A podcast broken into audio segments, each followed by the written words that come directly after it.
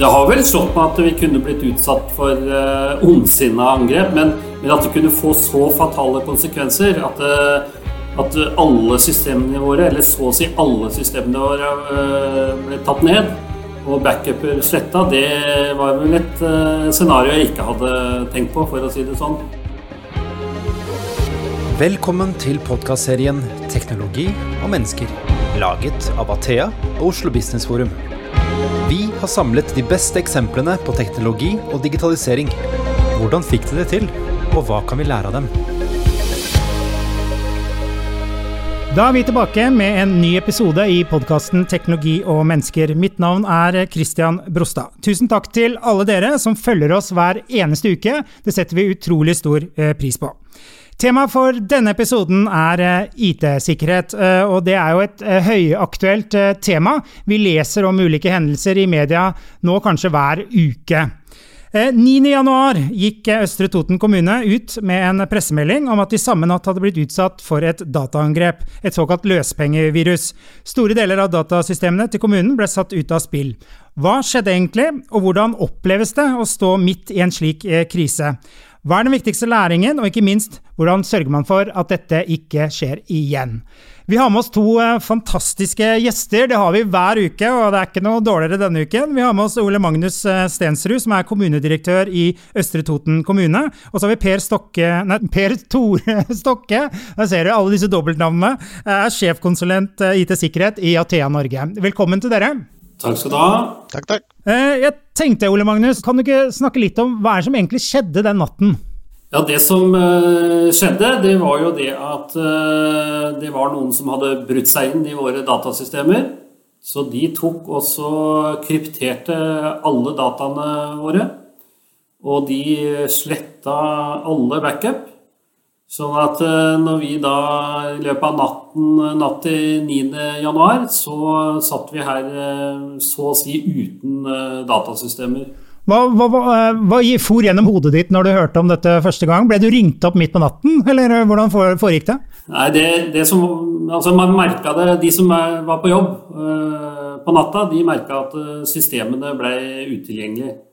Og så eh, tidlig på morgenen, eh, det var vel sånn eh, halv ni, ble jeg ringt opp av økonomisjefen som sa at vi var utsatt for dataangrep. Og da satte vi krisestab klokka ti. Og da var hele ledelsen samla med hva, hva, gjør vi nå? Hva er det egentlig som har skjedd, og, og hva er utsiktene framover? Og hva gjør vi nå? Og for meg så var det jo veldig viktig Det viktigste, faktisk, med, når, når, jeg skjønte omfanget av det, så var det jo å sikre liv og helse. Vi har jo mange tjenester. altså det er jo Pasienter er avhengig av medisin.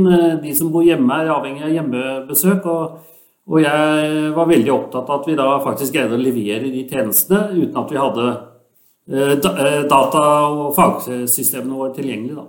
Mm. Var det omtrent tilbake til penn og papir? Da? Faks og ja. Fungerte faksen, eller har dere faks? det er sånn at eh, vi, Når det gjelder de, eh, de, kritiske systemene våre, så er det jo sånn at vi har jo nødprosedyrer. Sånn at alle fikk jo den medisinen de skulle ha, og alle fikk hjemmebesøk. Men det er jo klart at når du ikke veit hvem som skal komme på jobb på mandag, du har ikke oversikt over det, og du har en organisasjon med med 1100-1200 ansatte, så er det klart at uh, da, da, har du noen utfordringer. Så, så, jeg måtte faktisk på søndagskveld så gikk jeg ut med en melding på Facebook om at uh, alle skulle møte på jobb, sånn som det var avtalt. For vi hadde rett og slett ikke oversikt. Dette går jo spesielt innenfor pleie og omsorg, der man har vaktlister og sånn, selvfølgelig. Mm. Eh, per Tore, eh, hvor vanlig er det at det skjer denne type angrep, løspengevirusangrep? Vi leser jo om det i media med jevne mellomrom. Ja, det er dessverre bare en eh, brøkdel av det som kommer fram i media. Det er veldig mange løsepengeangrep som foregår i små og store organisasjoner. De små som rammer spesielt SMB-markedet, det, det, blir jo aldri publisert, men det er veldig mange små forretningseiere som har uh, vært i tilsvarende situasjon for dem da, som Østre Toten, uh, der alt er borte og forretningen stopper opp. Mm. Så det, det, er en økende trend, og det har vært eh, veldig økende trend de siste siden i fjor, egentlig. Tenkte dere noen gang Ole Magnus, at dette kunne skje dere, eller, eh, eller er det liksom som mange virksomheter at de bare opplever det i media, da, at andre blir utsatt for det? Har det liksom slått deg at dette også kunne ramme dere? Det har vel slått meg at vi kunne blitt utsatt for uh, ondsinna angrep, men, men, at det kunne få så fatale konsekvenser at, uh, at alle systemene våre, eller så å si alle systemene våre, ble tatt ned og backuper sletta, det var vel et uh, scenario jeg ikke hadde tenkt på, for å si det sånn. Uh, og i likhet med alle andre organisasjoner og kommuner, vi har jo gjennomført sikkerhetsgjennomgang av våre systemer. Og, og, har jo hatt sikkerhet på dagsorden. Jeg tror vi har en sånn gjennomsnittlig standard på, på, sikkerheten her hos oss. Så, så, så, det var jo tenkt på, men at det kunne få så store konsekvenser og være så fatalt, det det, det, hadde ikke, i hvert fall ikke jeg uh, sett for meg. Nei. Hvor vanlig uh, er det Per Tore, at, at, virksomheter, altså tenker jeg både på privat og offentlig sektor egentlig, da, og kommuner og det som er, har oversikt over hvor god sikkerheten er? Hvordan starter man? Altså, Hvordan vet man at man har god nok sikkerhet? Ja, Det er en litt vanskelig problemstilling. Jeg vil bare kommentere at jevnt over fra de kommunene jeg kjenner som konsulent, så er sikkerheten i kommunene langt bedre enn det som er ofte er i privat næringsliv. Det er viktig å ta seg med. Eh, det gjøres veldig mye bra i kommunesektoren. og Det er veldig mange ildsjeler som gjør en eh, formidabel jobb i kommunen. Men eh, kommune er en veldig kompleks IT-organisasjon. Det er veldig mange roller en kommune skal dekke. Eh, som gjør bredden av eh, løsninger som skal sikres, mye større enn i en tradisjonell privat bedrift. Sånn generelt sagt så er sikkerheten på utsida og inn brukbar. Men når du først er på innsida, så er det litt mer tradisjonell eh, IT-sikkerhetstankegang. Man stoler litt for mye på dem som er på innsida. Mm. Ja, nei, og Det handler vel også om at det, det med IT Sikkerhet det dreier seg ikke bare om tekniske, de tekniske løsningene, men det er jo også en uh, sikkerhetskultur i forhold til da ja, uh, Selvfølgelig det, det, tekniske er viktig, men det har jo også noe med Jeg veit jo det at det har vært tradisjon for i andre kommuner jeg har jobba, at man bruker felles passord og felles ident på enkelte systemer. og og det er jo sånne ting som man eh, selvfølgelig ikke kan ha i en eh, moderne organisasjon med så mye forskjellige IT-systemer. Mm. For det er, det er, jo de ansatte som er kanskje det svakeste leddet. da. Det er lett å klikke på noe. Jeg får jo mange sånne e-poster hvor uh, du lokkes til å klikke på noe som uh, er fake. da. Så det er jo det er ikke så lett. Du snakker jo om sikkerhetskultur, uh, Ole Magnus. Ja, det kan helt sikkert skje. Så da er det jo viktig at vi har et system som ikke slipper gjennom sånn type e-post. Og så et system som hvis noen i vannværet eh, gjør det, at man da kan rette det opp. Og selvfølgelig at alle ansatte vet at de aldri skal oppgi passord. Uh, uansett. Så det er jo ja, en kombinasjon, kanskje, mellom de tekniske løsningene og, og, den sikkerhetskulturen man har i organisasjonen. Mm. Nå er det blitt sagt her at, at kommuner er jo ganske komplekse eh, organisasjoner. Eh, og du har jo sa til meg før sending her også at eh, dere har liksom 380 systemer og integrasjoner som skal gjenopprettes. Det, ganske, uh, det må jo være ekstra fortvilende når det er så komplekst og det er så mye tjenester som uh, en kommune skal fikse for innbyggerne. Er det ekstra ille for dere liksom, kontra en, en bedrift? Ja, jeg, jeg, tror det. For at vi har ansvar for veldig mye. Mange forskjellige tjenester. Og så dreier det seg om alle i en kommune. Alle som bor i en kommune, eller som forholder seg til kommune, driver næringsvirksomhet i kommunen. Da. Og mye av det vi gjør, data som vi innhenter, de skal jo vi sende videre til overordna myndighet. Flere som skal bruke de dataene. Og vi skal ha data fra sentrale register. Altså ta f.eks. folkeregistre eller eh, andre typer register. Så det gjør at det totale sånn IT-økosystemet er, er veldig komplisert. Eh, og det er veldig mange, det er veldig mange systemer. Sånn at når vi da skal bygge opp det fra bunnen av, så er det en, rett og slett en formidabel jobb. Så nå er vi jo i midten av februar, og, og eh, vi har ikke fagsystemene oppe ennå. Eh, vi har en plan om nå at vi skal få det opp i midten av mars. Altså ennå fire uker til de første fagsystemene er oppe. Og Det er jo for å bygge det opp på en uh, sikker struktur. Da, at vi er sikre på at uh, når vi tar, tar, systemene opp igjen, at uh, vi ikke blir angrepet igjen. For det kjenner vi jo til også. At, at noen har tatt systemene sine opp igjen og faktisk fått angrep for bare kort tid etterpå. Ja. Dere sa jo også ganske tidlig at dere var redd for at personlige opplysninger har kommet på avveie. Vet dere noe mer om det nå? Har dere klart å finne ut av det? Det vi, det vi vet, da, det er at uh, disse hackerne har hatt tilgang til alle våre data. Så det betyr at teoretisk sett så kan de ha lest journaler og personsensitive data. Det vil jo si personalmapper og journaler til de som har vært på sosialkontor og, og helsestasjon og, og andre, andre ting. Men vi veit ikke om de har lasta ned de dataene. Og vi veit ikke om eh, de har greid å lese de, men de har tilgang til de. Så jeg har jo gått ut med informasjon til alle innbyggere og til eh, ansatte at eh, personsensitive data kan ha kommet på avveie, og jeg har bedt da alle være på vakt hvis det er noen spesielle, spesielle ting som skjer på bankkonto, eller man får henvendelse på mail eller telefon. Da. Det er nå ikke avdekka noen saker da, som er knytta til personsensitive data. Politiet etterforsker jo dette med ganske store ressurser. Eller jeg, hvor store ressurser vet jeg faktisk ikke, men de sier at de, lagt, de, legger ned ressurser på dette. Og jeg har inntrykk av at eh, de tar dette, at de jobber eh, både lokalt og sentralt eh, godt, politiet, med å, finne ut som, ja, hvilke data som har kommet på avveie. Mm. Det er jo det som har vært trenden i sånn type angrep nå, at de har to ben å stå på. og ene at de hindre driften, altså gjør systemene utilgjengelige. Men så har de en fot til der de truer med å presse ut om informasjonen de har stjålet. Spesielt med lys av GDPR-lovgivninga i Europa, så er det en, dessverre blitt en eh, økonomisk gullgruve for angripere. Mm. Per Tore, hva, hva, er det som skjer konkret med den informasjonen? Hva er det de kriminelle gjør? Er det eh, så enkelt at de selger den til noen som vil kjøpe?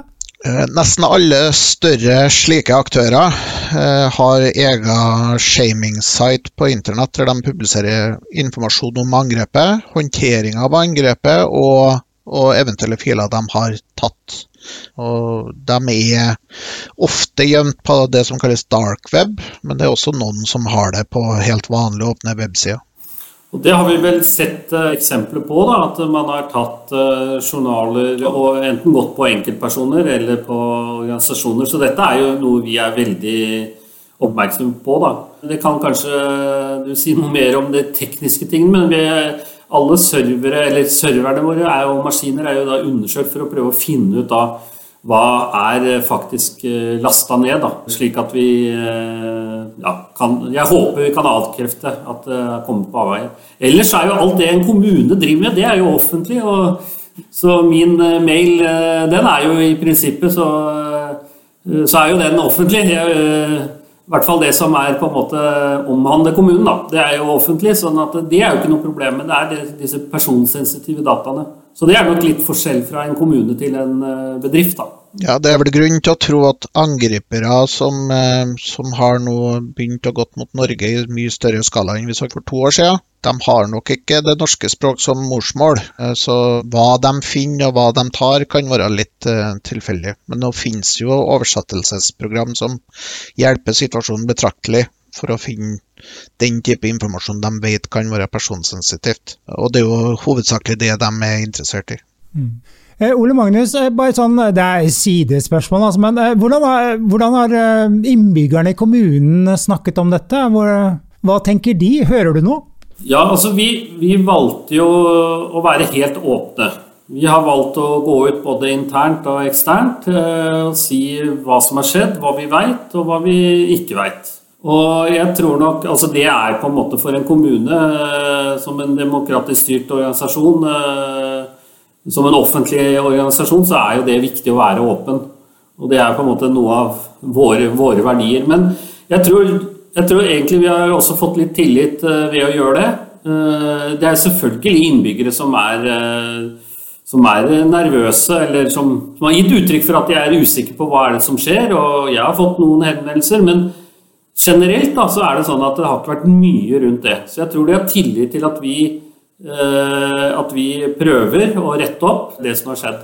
Så det er jeg, ja, det er egentlig ganske fornøyd med at, at vi har fått positiv tilbakemelding på det å, det å være åpen. Fra konsulentsida kan jeg si at den åpenheten som Østre Toten har eh, kjørt, har jo på langt vei hjulpet veldig mange andre kommuner til å få sikkerhet på fokus, altså få det opp i lyset. Det er veldig mange kommuner som sliter med ressurser, og sliter egentlig med å holde alle systemene opp og kjøre, og har ikke eh, overskudd til å ta den IT-sikkerhetsbiten kanskje så alvorlig som den burde ha blitt tatt. Eh, det har snudd noe med den åpenheten Østre Toten har kjørt. Men det er jo klart at det, var jo utfordrende da, å kommunisere. Eh, vi, vi hadde jo da ingen, ikke noe nettverk. Hadde, det eneste vi hadde, var 4G-nettverk. som mobilt eh, bredbånd. Og da var vi var i kontakt med Telenor for å rett og slett få styrka det, sånn at ikke det også datt ned. Eh, men, så det var klart det er utfordrende å gi informasjon når ting er så så hektisk som det var de, de første, første, dagene. Da. Men vi valgte som sagt å være, være, åpne. Så jeg måtte, for å komme i kontakt med de ansatte, så var det som sagt eh, Facebook som ble løsningen. Eh, både skrev meldinger og, og, og ga informasjon eh, via video, videosnutter på hvordan vi lå an. da. Mm. Og, uh, tidligere så var det vel litt sånn at uh, man ble litt flau hvis man ble hacka, men nå er det altså All åpenhet hylles jo nå i mye større grad. Er det også noe av bakgrunnen for at vi leser mer om det også? Fordi at folk tenker at vet du hva, dette kan jo skje alle, uansett hvor god sikkerhet man har? Ja, altså når Stortinget var i media og altså, større myndighetsorganer også viser den samme åpenheten. Jeg vil jo også si at Hydro-saken for to-tre år siden var jo en eh, banebrytende holdning til, til, åpenhet rundt sikkerhetsbrudd. Altså, det, det, kan skje hvem som helst. Det er veldig tilfeldig hvem det rammer. Det er opportunistiske angripere. Noen ganger så får jeg en synkende følelse at det er bare prosesseringsevnen til angriperne som stopper angrep mot Norge. Altså bare at de rekker ikke overalt der de kan slå til. Så all, all, honnør til dem som velger å være åpne og bare få det i dagslyset. Fordi situasjonen etter et sånt angrep er, det er tungt. Uansett hvilke rutiner og system du har, det tar lang tid. Eh, det er en stor gjenoppbyggingsrolle, og spesielt i Kommune-Norge, der det er såpass kompleks og så mange leverandører og så mye forskjellige system som skal opp, så er det bare det er mye arbeid. I tillegg til at man skal ha vanlig drift i gang underveis. da. Mm, ja, nei, det som eh, Jeg kjenner jo privatpersoner og bedriftseiere i mindre bedrifter som har betalt ut eh, løsepenger, rett og slett. Og noen som har fått tilbake dataene sine, og noen som bare har fått eh, økt krav. Så det er nok, som det ble sagt, at det er en del som blir angrepet, som holder dette Som ikke går ut med det, da. Og det tenker jeg at det må jo hver enkelt vurdere, men offentlige institusjoner bør i hvert fall være åpne, åpne, tenker jeg. Jeg kjenner jo også til offentlige institusjoner som kanskje har vært litt mer tilbakeholdne enn det vi har vært, men det har ikke vært eh, vår holdning, da. Nei. Og dere var jo ganske tydelige også at vi betaler ikke ut noe som helst. Så det har jo vært en veldig sånn prinsipiell holdning, da, har jeg skjønt. Ja, altså når det gjelder det med å betale når vi satt her på lørdag og, og, hvilke muligheter er det egentlig vi har? Og da var det jo sånn at uh, i utgangspunktet var jo alle data tapt. Men så hadde vi jo noen spor, da. Og de har jo heldigvis ført fram, så vi får jo ikke mye datatap, uh, regner vi med. Mm. Men, uh, men, da satt vi der, ja, hva gjør vi nå? Og da blei det jo avklart at kanskje det ikke er lovlig. Det kan vel hende at det er lovlig å betale. Så det er jo ett aspekt. Men, men, det er jo i hvert fall ikke riktig etisk å betale. Så det var jo den, den vurderinga. Men så er det jo sånn at du jo, har jo heller ikke garanti for at du verken får igjen data eller, eh, eller at du får nye eh, trusler. Så, så, det gjorde det jo veldig enkelt for oss å Jeg og ordføreren satt her og sa at det er ikke en aktuell, ikke en aktuell problemstilling for oss. Hva er vanlig å gjøre, Per Tore? Er det å betale ut, eller å liksom ikke gjøre det? Av det du kjenner til? Jeg tror fleste organisasjoner strekker seg ekstremt langt for å unngå å betale til aktører. fordi det vil jo få en eh, smitteeffekt. Desto mer angriperen ser at det er penger som er mulig å få tak i, desto mer angrep vil vi kunne forvente mot, uh, mot nasjonen. Mm. Så hvis det ikke er helt 100% nødvendig å betale ut altså Jeg har sittet med, med mindre bedrifter som har vurdert å legge ned bedriften eller å betale seg ut. Og det var de to reelle valgene den bedriften hadde. Og da skjønner jeg at betale seg ut kan være en uh, mulighet. Mens uh, jeg har hatt andre kunder som har uh, funnet gamle diskhyller, ett år gammel data, og så sagt ok, men da begynner vi fra herifra. Vi skal ikke betale. Det koster oss et årsverk, men vi, vi nekter å betale. Så det varierer hvor lite interessert de er til å, for å finansiere sånn virksomhet. da. For det er jo det det er snakk om i bunn og grunn. Eh, sånne type angripere som dette er jo kun økonomisk motivert. Det er jo ikke noe ondsinna til verken organisasjon eller noen ting annet. Det er bare hvor mye penger kan vi for minst mulig arbeid. Ja, og så da, Vi var jo så heldige at vi hadde da snapshot, heter det vel, av, av serverne våre. Eh, som gjorde at vi har greid å gjenskape de dataene. Da. Så, de, eh, så det er også en stor jobb, selvfølgelig. Det er også å få, få ta ut selve eh, grunnlagsdataene og så eh, få vaska de og være sikker på at ikke de har noen virus i seg, og så, og så da få satt opp det på nye, installert nye programmer og, så, og lagt dataene inn igjen. Da. Vi har jo vært så heldige at vi får tilbake dataene, men at det tar eh, totalt et par eh, måneder da, før vi er oppe med det. Hvis uh, dere skal opps eller du oppsummere, Nå har det jo gått litt over en måned siden dette skjedde. Hva, hva er de viktigste læringene dere har fått nå sånn i retrospektiv? Hva tenker dere er det viktigste du har lært, eller dere i kommunen? Uh, det er jo å unngå at dette skjer, rett og slett. Ja. Eh, det, det, er, eh, det, er, ekstremt. Altså oppå korona, oppå i vinter har det vært mye strømbrudd. Å få virksomheten til å gå, det er eh, ekstrem.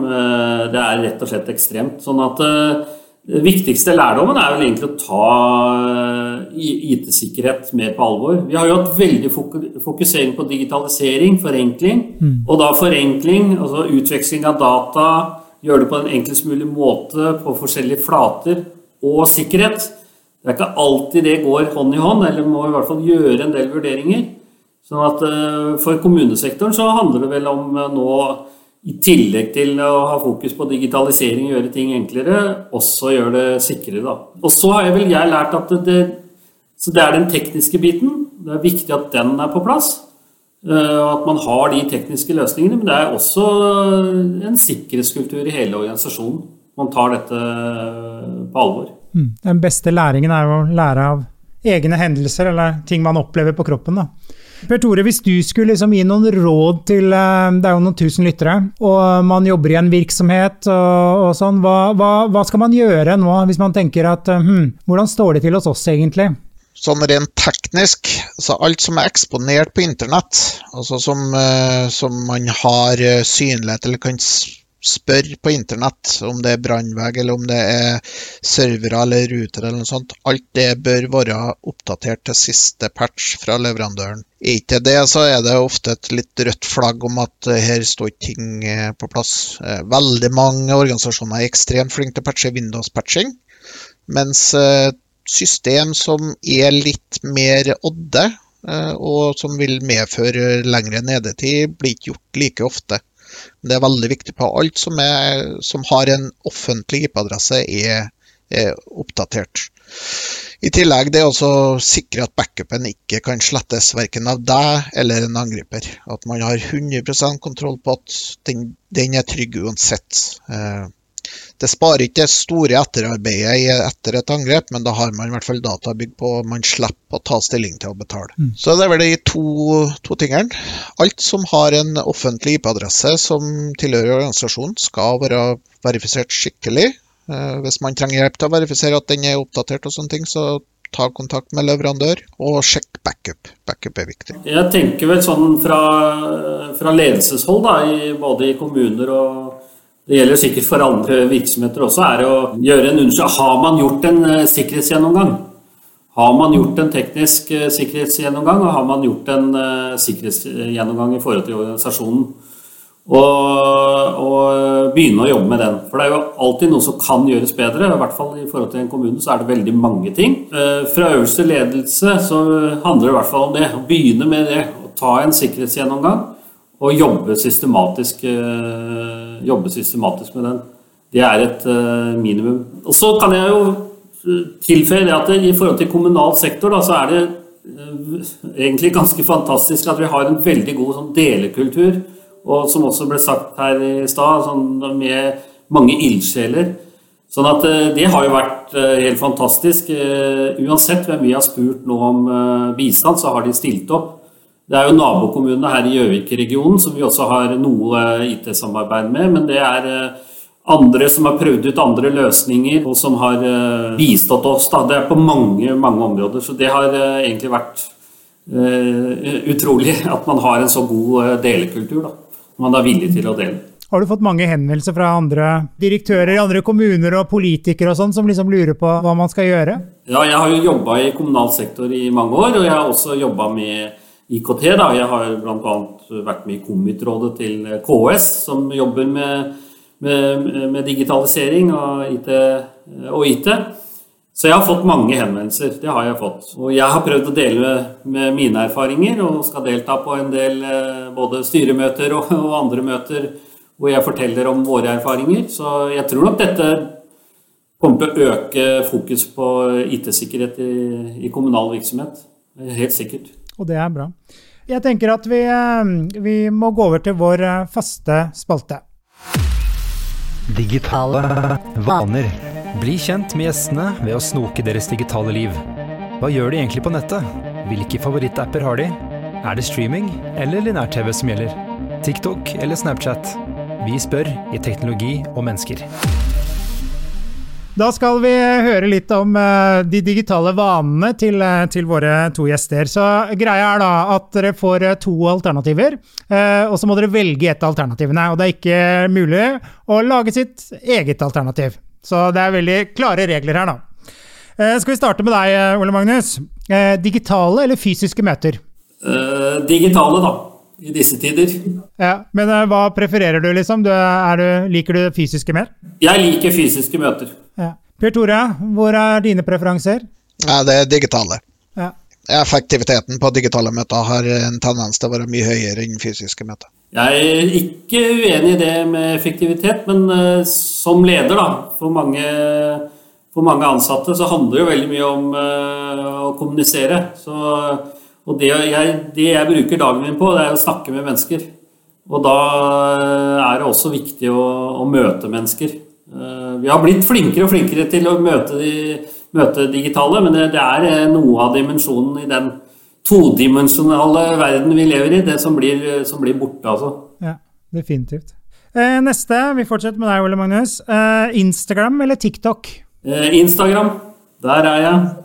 Mine døtre og noen eh, venner, gode venner. Mm. TikTok har jeg, ikke, har jeg ikke prøvd meg på. Nei, det kommer kanskje, det. per Tore? Ja, vi fikk ikke finne på egne kategorier for verken eller, er vel mitt svar der, da. Men eh, da må jeg nesten si TikTok. Da. TikTok, ja. Du Har du profil der, eller? Nei. Nei. Men siden jeg ikke fikk velge, så Siden du måtte velge. så er det vel for oss som er eh, For meg, da, som er over 50 så er det vel, Da sier man at det er vel egentlig bare Facebook som gjelder. Men eh, som sagt, jeg har prøvd meg litt på, på noen andre plattformer òg. Ja, det sies jo nå at, eh, at alle, altså også de eh, seniorene, eller hva man skal kalle de, også velter inn på TikTok. Da, så det er jo ikke Så det er verdt å prøve. Tredje siste her. Emoji eller tekst? Emoji er fint. Er det bare emoji, eller tar du og spriter opp med emoji? Nei, jeg jeg, bruker, jeg, må, jeg bruker jo tekst, men jeg ser også eh, både til kollegaer og, og, sånn at man også begynner å bruke det mer og mer. Og det å eh, legge ved et smiletegn eller, eller tommel opp, det, det, får stadig mer og mer Det blir stadig mer og mer av eh, det skriftlige språket vårt. Ja. Per Tore? Ja, litt mer tekst, men, eh, men, bruk av emojis når eh, det kan tolkes i feil retning. Altså, okay. sarkasme i tekst funker veldig dårlig, så da må man eh, milde det man har skrevet, ja. litt. Og det kommer jo stadig nye emojis også, så jeg syns det er veldig gøy. Nest siste her, Ole Magnus. Ringe eller sende meldinger? Ringe. Mm. jeg liker å snakke med folk. Og det er liksom noe i den uh, verbale kommunikasjonen som jeg, som jeg liker. Ja. Per Tore? Ja, jeg er også der at jeg har funnet den ringeappen på telefonen min, så jeg foretrekker å prate med folk. For det å sitte og vente på svar, det er ikke noe jeg er så veldig glad i. Så da er det like greit å få ringt og avklart tvert. Men det er klart, i løpet av en arbeidsdag så blir det jo også mye tekstmeldinger. Eh, og det går faktisk an å tekste samtidig som du ringer. Så, eh, ja. så, det, det, så, det, blir litt sånn eh, begge deler. Selv om ikke det var et alternativ. Ja. Begge deler samtidig, den er ny. Den har vi ikke hørt før. Siste, den, den, her er litt på kanten, da, men jeg håper dere tåler den. ikke dusje på en måned, eller ikke ha internett på en måned? Ole Magnus? Ja, interessant begge deler. det er lenge siden jeg har prøvd begge deler. Ja. skal vi se, da, da, må du vel ikke ha internett, da. Ja. Det må bli mitt valg. Selv om jeg da måtte også ha valgt ferie på, og ikke kunne ha jobba, da. Så det, da må det bli hjemmekontor og ikke dusje, da. Ja, ikke sant. Og det er jo mye hjemmekontor nå, så det er jo sikkert mulig å få til det. Per Tore, hva er ditt svar? Jeg trodde nok jeg kunne ha gått til havet og bada istedenfor eh, mest internett ja. en måned. Ja. Nydelig. Eh, Ole Magnus og Per Tore, tusen takk for at dere kunne være med, og tusen takk til deg som har lyttet på. Du har nå lyttet til Teknologi og mennesker, laget av Athea og Oslo Business Forum. Liker du podkasten, setter vi stor pris på om du gir oss noen stjerner. Og tips gjerne en venn om podkasten.